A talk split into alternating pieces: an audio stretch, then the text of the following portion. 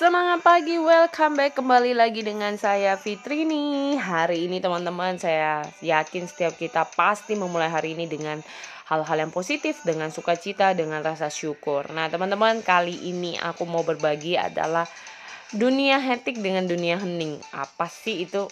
Nah teman-teman pernah mengalami masa-masa kah yang di saat situasi Anda yang mungkin uh, tiba-tiba yang aktivitas yang full harus berkurang segala macam. Mungkin apalagi di masa pandemik ya kayak kita harus work from home atau kita yang masih sampai sekarang mungkin work from home jadi udah jadi habit sih.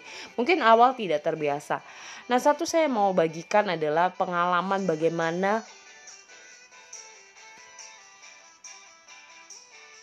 berhenti bekerja akhirnya memutuskan berhenti bekerja karena situasi keadaan kesehatan yang selama ini bekerjanya full ya tiba-tiba harus berhenti dan uh, melakukannya berbeda banget gitu.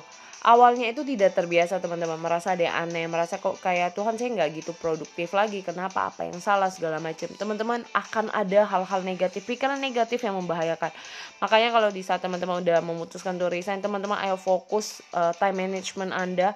Banyaklah bit network benar-benar melakukan produktivitas anda dengan maksimal supaya jangan sampai Anda punya waktu untuk memikirkan hal-hal yang negatif seperti itu ya. Kenapa teman-teman?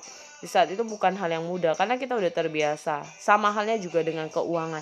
Tiba-tiba kita yang biasanya terima gaji ini tidak menerima gaji lagi mau gak mau kita harus mengatur gimana yang setiap hari kita bisa mencari income mendapatkan pendapatan sendiri.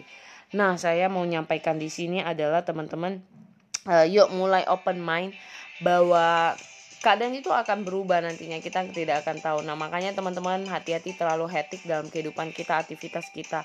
Karena sekali kita kehilangan mungkin pekerjaan atau keadaan itu situasi itu membuat kita jadi ada rasa was-was yang kayak bertanya-tanya. Bukan menakut-nakuti ya teman-teman tapi mari untuk benar-benar mengontrol mengatur waktu kita dengan maksimal dengan cara yang tepat. Semoga ini boleh menjadi satu insight baru buat teman-teman untuk belajar lebih baik lagi ke depan dan menjadi inspirasi di mana pun anda berada. Semangat pagi